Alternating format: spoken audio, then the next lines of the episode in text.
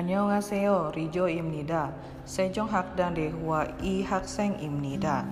여기가 저희 숙제입니다. 1번 공원에서 산책해요.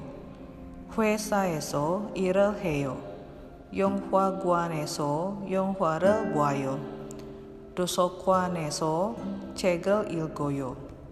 2번 백화점에서 선물을 사요. 식당에서 점심을 먹어요. 지하철역 앞에서 친구를 기다려요.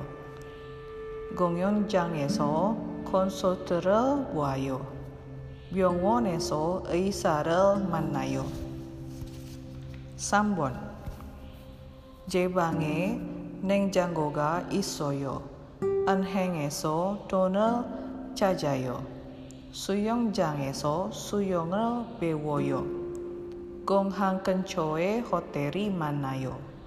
저는 매일 공원에서 운동을 해요. 마크 씨는 어느 나라에서 왔어요? 감사합니다.